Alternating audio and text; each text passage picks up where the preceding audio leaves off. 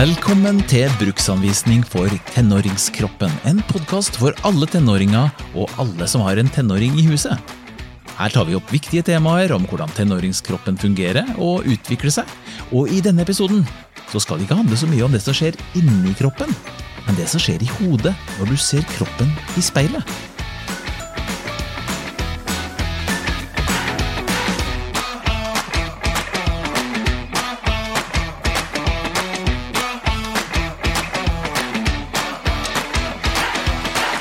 Navn er Ole André Sivertsen, og før jeg hører på alt som episodens fagekspert har å si om temaet, har jeg samla en gjeng ungdommer for å høre hva de tenker om, og hvor mye de tenker på kroppen sin. Eh, Jeg vil si at jeg eh, er opptatt av kropp av ti av ti. Ti av ti. Ja, absolutt. Du tenker mye på det. Ja. Mat, Mat. og kalorier og alt sånne ting. 8,5 av 10, sier jeg. Mm, jeg vil si ni av ti. Ja, jeg må nesten si det sånn som Nora. Ti. Ti av ti. Mer fokus i trening. At det er det jeg prøver på. Og ser bra ut. Uh, Skal jeg være ærlig, så er jeg veldig opptatt av uh, utseende. Ikke så mye utseende til andre, men uh, mye mitt eget, og tar det veldig høyt opp i hverdagen. Det var i hvert fall en periode der jeg var veldig veldig usikker på kroppen min. Og sånn da kanskje blitt litt mer selvsikker, men eh, fortsatt ganske usikker. Og det er mye jeg tenker, det, er liksom, det går mye tanker til det der. da. Mye energi jeg bruker på Jeg tenker jo ikke så mye sånn som Nore sier, jeg tenker jo ikke på andre, men jeg tenker på hva andre tenker om meg, og hva Ja. jeg tenker om meg selv og sånt. da. Så tror jeg veldig sånn, eh, eller det er nok med guttene òg, men veldig mye med jentene, at man sammenligner seg med andre. Trener jo, som sagt, litt for å se bra ut. Uh, så fikser jeg jo hår om morgenen og alt sånn. Så ser man jo folk på Instagram, hvordan de ser ut, likealdre som deg. Men selvfølgelig tukker man litt med lyset og sånt. At det skal se best ut. Ja. Så er det jo selvfølgelig noen som redigerer. Ja. Det er, liksom, du ser jo på videoer og sånt, og så ser du hva slags respons folk får, og da setter du også et litt sånn bilde liksom, ja, Du tenker litt sånn Oi, shit, sånn burde jeg kanskje se ut hvis jeg har lyst på så mange fine kommentarer, liksom. Det er jo noe man bør prøve å komme vekk fra. og Man snakker jo om det på skolen og i vennegjengen, sånn, men det er jo ekstremt vanskelig, for det er jo noe som alltid er der og henger over deg. på en måte. Og du kan jo selv velge å se litt bort fra det og tenke på andre måter, men det er jo veldig vanskelig, det òg, liksom. Ja, det her var Mikkel, Henrik, Jenny og Nora som jeg syns hadde ganske gode refleksjoner rundt eh, dagens tema. Og vi skal få flere spørsmål fra de til deg om litt. Line Wisting fra Oslo universitetssykehus og prosjektleder i det som kalles The Body Project. Velkommen. Tusen takk. The Body Project først. Det høres jo nesten ut som en sånn blid ny-serie på TV, det. Hva er det? Ja, det er mye rart som dukker opp når man googler Body Project. Ja, jeg kan tenke meg det. Eh, Men det det er hos oss, da, det er et, eh, en gruppebasert workshop. eh, Et program for unge som møtes sammen i grupper og diskuterer hvordan man kan fremme et godt kroppsbilde. Og rett og slett få det bedre med hvordan man ser ut, og ja, kropp og utseende, da. Sammen med andre. Og der er jo litt av målet det å kunne forstå hvordan idealer, som vi alle eksponeres for i kulturen vår, samfunnet vårt, hvordan det påvirker oss. Og hva som kanskje er ulemper med det, og sammen hvordan man kan jobbe for å motstå det her, da. Ja. Hva tenker du om det du hørte i innledningen her nå?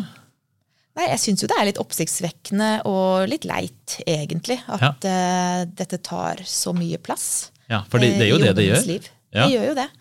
Um, og det høres jo veldig slitsomt ut, for det første.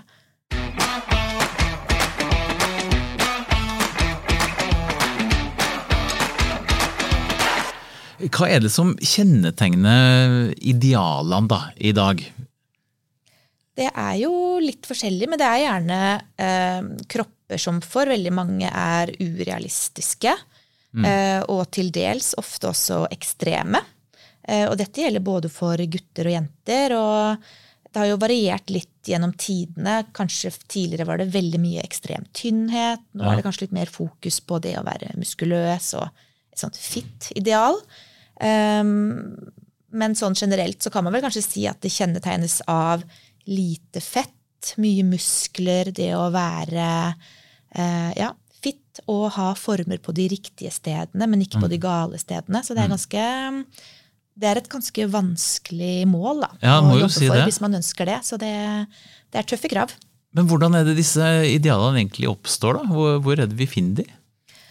Man har jo kanskje sett tradisjonelt da, fra reklamer, medier, motebransje, denne type tingen, at Mm. liksom idealene oppstår fra kulturen da, på Ja. hvordan man bør se ut, og hvordan kroppen bør være. Og en bransje som kanskje tjener på at unge er misfornøyde med kroppen sin og utseendet, og ønsker å endre det. Ja, for, ja, for Der har du den klassiske reklamen på en måte med glade, perfekte mennesker som har lyst på akkurat det produktet som Ja. de selv. Og man selger et budskap eh, og et ideal som kanskje da fører til misnøye eller litt ubehag hos de som ser på. Et ønske om å endre seg for å se annerledes ut. Ja. Um, og det er jo noe de tjener rått på, selvfølgelig, å bygge opp under et sånt eh, budskap. Men, men eh, medieverdenen har jo endra seg veldig nå, da. eh, og, og det har jo kanskje ikke gjort det noe lettere med at du har sosiale medier i dag? Nei, for det har jo endra seg sant? Det, de siste årene. Du har sosiale medier og såkalte influensere, som også tjener penger på markedsføring og reklame. Men også oss vanlige mennesker som legger ut bilder og snapshots fra våre liv. Ofte ser de jo selvfølgelig veldig perfekt ut på, Ja, ja. på uh, utsiden. Og man har jo denne Man kan si at tidligere er det mer tradisjonelle medier. Um, men med sosiale medier så har jo denne eksponeringen blitt konstant. Ja. Og du blir jo bombardert i feeden din uh, sant, på, på disse urealistiske og veldig perfekte eh, i gåsetegn, idealene. Ja, ja. Sånn at det har nok endra seg litt intensiteten i det, tror jeg, på eh, nå de senere årene med Ja. sosiale medier. For vi, vi er jo på en helt annen måte også til stede på telefonen eh, til enhver tid. Ja.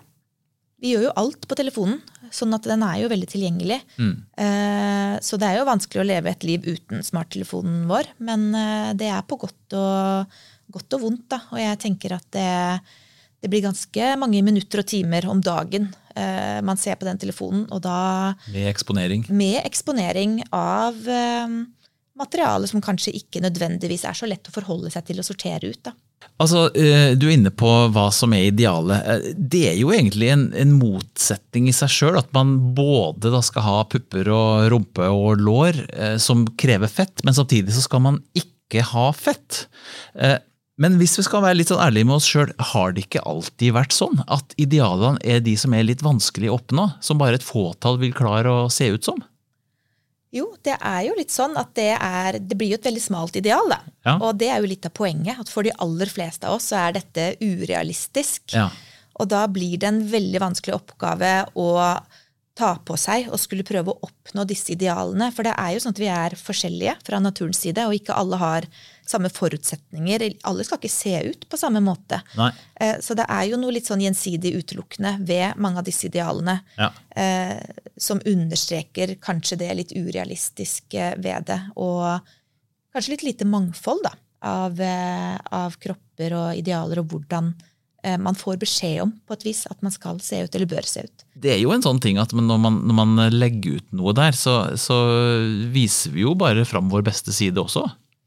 Ja, og det er kanskje en litt sånn økt bevissthet og diskusjon rundt det, da, som i hvert fall vi jobber mye for i Body Project, og som kanskje er noe som kan være nyttig for mange. Å prøve å tenke litt mer over at man er litt mer bevisst rundt hva ulike profiler og sider vi følger, får oss til å føle. Ja. Gir oss en god følelse eller dårlig følelse. Kanskje skal man ta en liten gjennomgang og renske litt opp i hvem man følger, og bli litt mer bevisst på hvordan man føler seg. Da. Og også tenke litt mer på hvor mye som ligger bak Ja. ett bilde.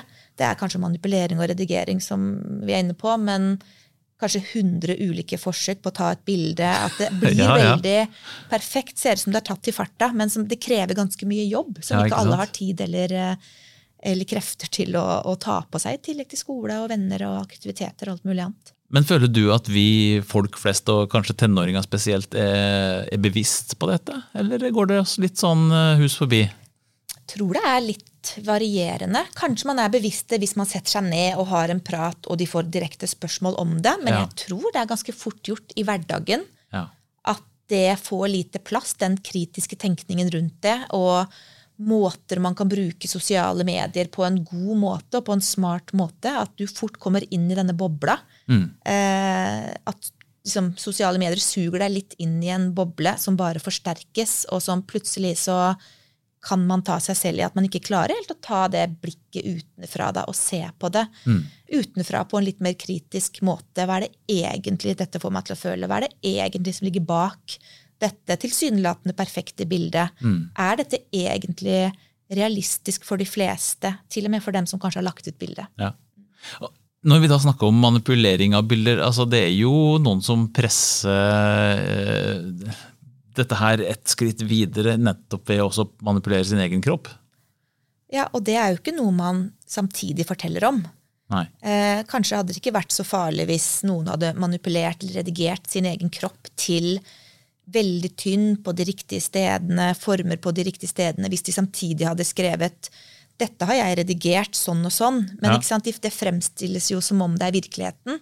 Og da krever det kanskje en del bevissthet å klare å ha det i bakhodet når du får disse vis veldig visuelle bildene blir eksponert. Det er jo veldig visuelt, det er veldig sånn direkte og slående. Ja, ja. Um, og man ser ikke alt arbeidet som ligger bak dette Ja. bildet. Si at du skal gå til det skrittet at du endrer noe på din egen kropp i tillegg. Da. Altså, vi snakker jo om endra kosthold, f.eks. At man slanker seg, eller at man eh, trener ekstremt mye. Kanskje bruker man kosttilskudd for å få større muskler.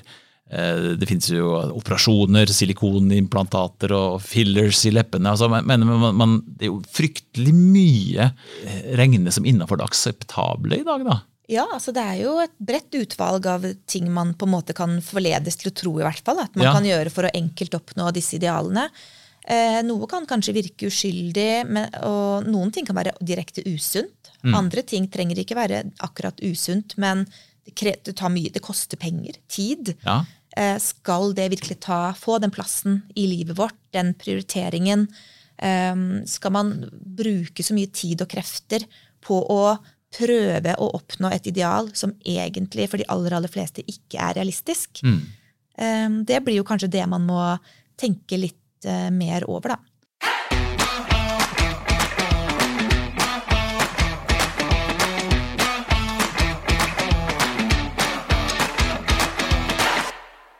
Det er jo veldig sånne forsterkende algoritmer i de sosiale medieplattformene Ja. som gjør at hvis du har begynt å gå inn på noe, så fòres du i feeden din bare med mer av det samme. Ja. Og når du da har begynt å gå inn på profiler eller på sider med budskap som du kanskje egentlig ikke har noe godt av, du får deg til å føle deg dårlig, du blir misfornøyd, du prøver å endre ting, det tar mye plass, så krever det ganske mye bevissthet og krefter for å snu det.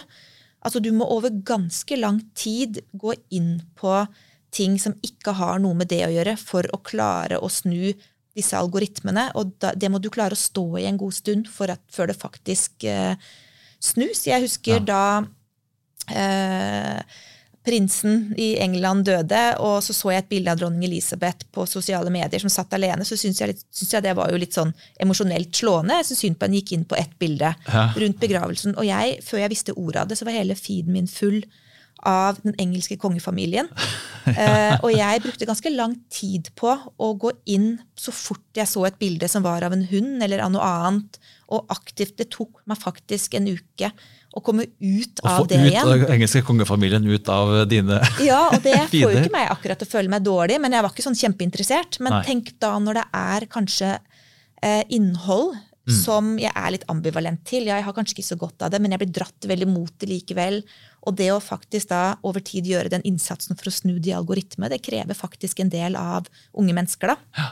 For, for det du sier her, er jo det at eh, når dette hele tida forsterkes i de mediene du eh, ser på, så vil det jo føles som at dette er noe som betyr veldig mye for egentlig hele verden, og ikke bare noe som en datamaskin har funnet opp for deg.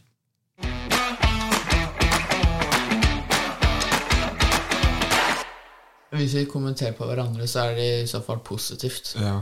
Det er sånn, Det er ingen som sier noe negativt til hverandre, liksom. hvis jeg ser at han har begynt å få litt større armer, da selvfølgelig kommenterer jeg litt på det. Så oi, se han har fått store armer og sånt. Men jeg, jeg går ikke rundt og sier sånn oi, du er tynn og sånt. Så har det blitt mye fokus på at de kanskje ikke er naturlige kropper, eller At de har, de har selvfølgelig trent lenger, og de tar bilder som de ser bra ut i. Mm. Fra gode vinkler med godt lys. Ja. Ja, hvis du sitter hjemme og spiser chips, da, eh, godteri og sånt, og så får opp en video av en kar som ser steikende fin ut, og er ordentlig bra kropp, så får jo du litt sånn «Åh, Kanskje jeg må gå opp og trene.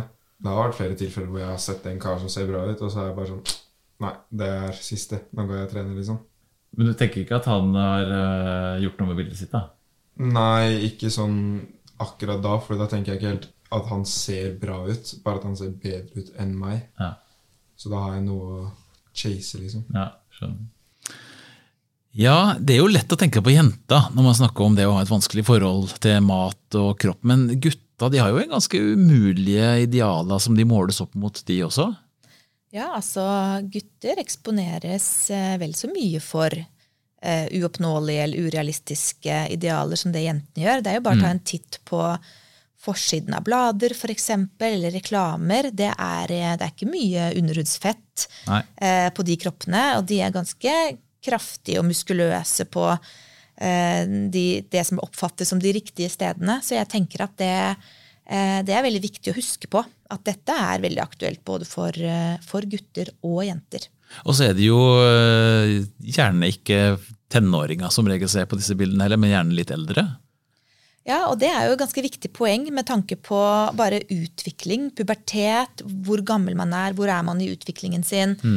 Hvis en 13-åring ser på et bilde av en 18-åring som har kommet lenger i utviklingen, så blir man kanskje ganske misfornøyd fordi man ikke ser sånn ut. Man er kanskje litt mindre, og ehm, da er det vanskelig å huske på kanskje at du er et helt annet sted i utviklingen. Altså du, du kan ikke se sånn ut. Nei. Du har ikke forutsetninger for det nå. Um, Ja, det gjelder jo til og med jevnaldrende, egentlig, fordi at man utvikler seg så veldig forskjellig. ja, og man er forskjellig fra Ja, naturens ja, side. Eh, sånn at det blir Og den sammenligningen tenker jeg er mye av problemet, spesielt på sosiale medier, er jo en veldig sånn eh, plattform hvor sammenligning skjer, men også i virkeligheten. På skolen, på idrettsbanen, i vennegjengen, på fest, i garderoben. Eh, dette med sammenligning med andre. Eh, og så glemmer man litt at man er veldig forskjellige og har forskjellige forutsetninger, og, og ikke alle skal se ut på samme måte, eller har liksom, genetisk anlegg for å se ut på samme måte. Og da blir det en, en veldig krevende jobb å skulle gå og prøve å endre på noe som egentlig er naturstridig. Da. Ja. Hei, jeg heter Henrik, og jeg får opp ganske mange menn på TikTok som ser mye bedre ut enn meg. Er dette bare negativt, eller er det fint at jeg kan ta litt inspirasjon fra de? Ja, Henrik etterlyser at vi skal se litt positivt på det også. Han blir inspirert, han. Eh, tenker du at det eh, må være med i regnestykket? Ja, vet du hva? Det tenker jeg er egentlig et ganske godt poeng. For det er jo viktig å ikke bli helt kategorisk og svart-hvitt. Ja? Sosiale medier er ikke bare negativt. Det er Nei. utrolig mange positive sider ved sosiale medier. Det kan handle om å holde kontakt med venner og familie. Du kanskje bor et stykke unna.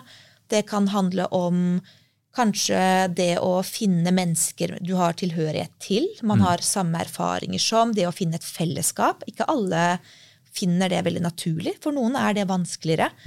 Så det, altså, sosiale medier har en utrolig mange forskjellige positive funksjoner. Eh, og det er veldig viktig å huske på å ikke bli for ekstrem og tenke fy-fy, sosiale medier er dårlig. Ja. Og kanskje når vi voksne eldre kommer med en sånn pekefinger, så tenker jeg kanskje man bommer litt. Grann, da, at det er viktig å, å huske på at uh, det er ikke svart-hvitt. Det kan være positive og negative sider ved samme sak. Det handler kanskje litt om hvordan man bruker det. Ja, hvordan man opp, oppfatter det. For sånn som Henrik han sier jo at han vet jo at noen kan ta eh, bilder i godt lys og i spesielle positurer, på en måte. Så han er jo litt han vet jo inni seg også at dette ikke alltid er helt virkeligheten, det han ser. Ja, og man kan få inspirasjon motemessig, eh, ting som går på hår, klær, eh, teknikk hvis man snakker idrett, eller matlaging. Altså, det er jo veldig mye absolutt man kan hente inspirasjon fra. Ja. Og så er det bare noe med den eh, Hvor går den grensa for hva som faktisk er bra? Når begynner det å ta mye plass? Når begynner det å gi en, en litt dårlig følelse.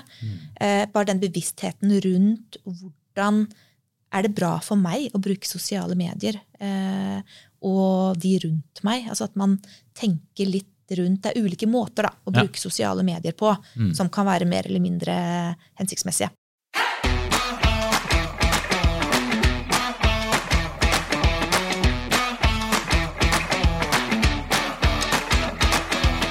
Hei, jeg heter Mikkel.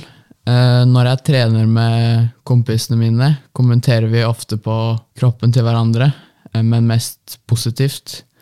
Bør vi stoppe med dette? Ja, eh, det som er med positive kommentarer, er jo gjerne at hvis du ikke gir den, så så kan det jo oppleves som negativt. da. Eh, men bør man bare ikke kommentere kropp? Er det, er det realistisk, liksom? Altså hva som er realistisk og ikke. Jeg vil nok slå et slag for å minimere, i hvert fall, i det minste, Ja. kommentarer og fokus på og utseende. Mm. Det er som du sier, man kan tenke selv at man sier noe positivt, så vet man ikke helt hvordan det treffer mottakeren. Kanskje er det noe de har tenkt på som de egentlig syns er negativt, og som gir dem en litt dårlig følelse. Um, kanskje blir det da en slags tvil, men hva er det du ikke sier positive ting om meg om? Er det da negativt? At Ja, det, Det kan være en tredje person som heller ikke får Ja. positive kommentarer med siden av. Absolutt. Og man vet aldri helt hvordan det treffer. Mm. Eh, Det er ganske sånn sensitivt, og du vet ikke helt om det treffer på den måten du mener det. Og litt sånn rekkevidden av det man sier, hva da med det du ikke sier? Eh, Eller bare at man har forskjellige meninger og følelser knytta til sin egen kropp. Det kan godt hende jeg har veldig mye komplekser for en ting som jeg kan få en kom et kompliment fra, fra andre. Så jeg tenker nok at det er veldig fint hvis vi kan prøve å heller fokusere på gode egenskaper, du er en god venn, eh, det er gøy å være sammen med deg, Ja. enn at du ser så bra ut fordi armen, overarmene dine er sånn og sånn. Um, så om man kan få det helt bort, så tenker jeg i hvert fall at det er noe vi alle kanskje bør tenke litt mer på og prøve å redusere til et minimum.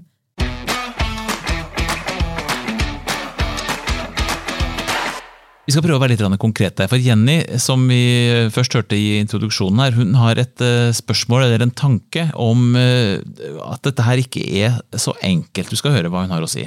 Nei, fordi jeg opplever jo noen ganger at liksom, kanskje dager der jeg ikke føler meg på topp, så blir jo dagen min også veldig påvirket av det. Sånne dager der jeg kanskje jeg vet ikke, håret faller ikke riktig, sminken ser ikke bra ut, klærne mine er ikke bra, eller jeg bare føler meg skikkelig dritt, liksom. Så merker jeg jo veldig at dagen min blir sånn der, da. Liksom, om det er noen tips eller råd jeg kan ha for å liksom, se litt bort fra det. Det da. er litt råd. Ja, hva da? Høre? Fordi om du sminker deg og pynter deg hver eneste dag, Ja. så er det ingen som kommer til å legge merke til det til slutt. Du må fikse litt ekstra i helgene, sånn at folk faktisk legger merke til Shit, hun har pynta seg. Hun så veldig bra ut. Istedenfor for at de bare føyer deg vekk. på en måte. Eller skulle du ha råd om å ikke tenke på det? Nei, altså det var jo helt Men det er ikke sånn Nei, jeg er enig, men altså, det er ikke sånn at jeg pynter meg hver dag, liksom. Men det er sånn Jeg skjønner jo det, da. Ja, ja. Men, eh, Ja, De virker jo litt fastlåste da, i hvordan å komme ut av det, og hva kan du egentlig fokusere på? ikke sant? Um, eh, men men hvordan, hva kan man gjøre da for å eh, ikke at dette med kropp skal være så på en måte samtaletema hele tida? Altså, det er jo vanskelig å være én enkelt person som står mot det, hvis Ja. veldig mange rundt deg har dette fokuset. Og dette er også noe vi snakker litt om i Body Project. Der vi kaller det liksom kroppsaktivisme. Det å prøve å gjøre en endring eller um, gjøre noe spesielt for å minimere fokuset på utseendet, som også rettes utad og kan påvirke omgivelsene dine, sånn at ikke det bare blir et soloprosjekt. Ja. Så man kan jo f.eks. når det er så mange som kjenner på de samme tingene, hva om man tar et lite prosjekt i vennegjengen sin? Nå Denne uka her skal vi ikke vi skal ikke snakke om kropp eller utseende. Nå skal vi sammen prøve å overleve en hel uke hvor vi bare snakker om andre ting. Fokusere på hva liker jeg med deg som person? Hvilke egenskaper er det du har som jeg setter pris på? Eh, noen har til og med foreslått hvis man da glemmer seg, så må man betale en sum, en tier eller noe sånt, inn i en kasse. Såpass, og så går man ut etter den uka så bruker man de pengene ved de glippene på å ta en hyggelig tur på kafé, f.eks. Okay, ja. Man kan jo gå sammen og også ha noen felles prosjekter. Da. Det her er jo noe som veldig mange kjenner seg igjen i og kjenner på. Jeg tror mange vil tenke på det som en befrielse. Å ha en, en periode med litt mindre fokus. Kanskje kan det være inspirerende for eh, veien videre òg. Men eh, det er jo sånn, hvis vi skal ta en liten spoling tilbake til dette med sosiale medier, da, så er det jo, der, her, handler det jo mye om å legge ut bilder. Og bilder er jo, det, det handler jo om hva du ser, egentlig. Eh, er egentlig svaret på det du sier, at man må holde seg litt unna eh, telefonen? Igjen så tenker jeg ikke at det trenger å være helt svart-hvitt. Eh, Jeg tror nok generelt at man, sikkert mange kunne hatt godt av å prøve å redusere mobilbruk. Sånn overordna. Eh, Men igjen så er det litt tilbake til, tenker jeg, da. Tenke litt gjennom hvordan man bruker det. Hvordan det får meg til å føle meg. Eh, Dette med sammenligninger på sosiale medier. Som du sier, bildet er en ganske sånn Det handler jo om hva du ser, og kommentarene du får, det får Ja. du jo på det som du har lagt ut. på en måte. Det blir veldig visuelt rett på seg, og det ser man jo også at mm, sosial mediebruk generelt, økt grad av det, fører til eh, eller er forbundet med økt grad av f.eks. bekymringer knytta til kroppsbildet. Og dette gjelder jo særlig de sosiale medieplattformene som er basert på mye bildebruk. Da. Så jeg tenker at disse bildene og den konstante eksponeringen for det, det kan eh, slå ganske sånn kraftig inn på selvfølelse og, og hvordan man har det. Så det tenker jeg i hvert fall er noe man bør ta en liten gjennomgang av. Både hvem følger jeg, og hvor mye tid bruker jeg på dette. Hvor stor plass får dette i mitt liv? Hvis man kjenner at det tar for mye plass, ja, rett og slett. Mm. Og går det på bekostning av andre ting? Eh, dropper du avtaler med venner fordi du er nødt til å trene fordi du skal påvirke kroppen din, eller du vil ikke være med på restaurant fordi du er på en eller annen spesiell diett, så kanskje det begynner å ta for mye plass da, i livet ditt, og at det er noe man kan tenke litt mer gjennom.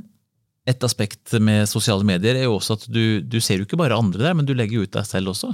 Ja, eh, veldig mange legger jo mye ut av seg selv, eh, og det er jo mye fokus på utseende. Eh, man kan bli veldig opptatt av og avhengig av den bekreftelsen du får på det man legger ut av seg selv. Og For det liksom gir den boosten da, når du føler at du har gitt ut noe der du, du ser bra ut, så får du masse positiv feedback. Ja, og hvis du da ikke får så mye positiv feedback som man kanskje hadde ønsket eller håpet, eller som en venninne av deg fikk i går på et tilsvarende bilde, så kan det også bidra til å nøre litt opp under at man kan føle seg mislykka, eller at man begynner å lure på hvorfor fikk ikke jeg det, var det noe galt med dette bildet, var ikke jeg fin nok? Så jeg tenker at det er et ganske viktig aspekt som kan forsterke mye av den effekten av sosiale medier. Og noen har jo tatt til orde for å fjerne mulighet for å trykke like og gi kommentarer, og det, det er ikke sikkert det er så dum, så dum vei, det. Nei, vi, får, vi får se om det Vi kan få de til å fjerne den knappen.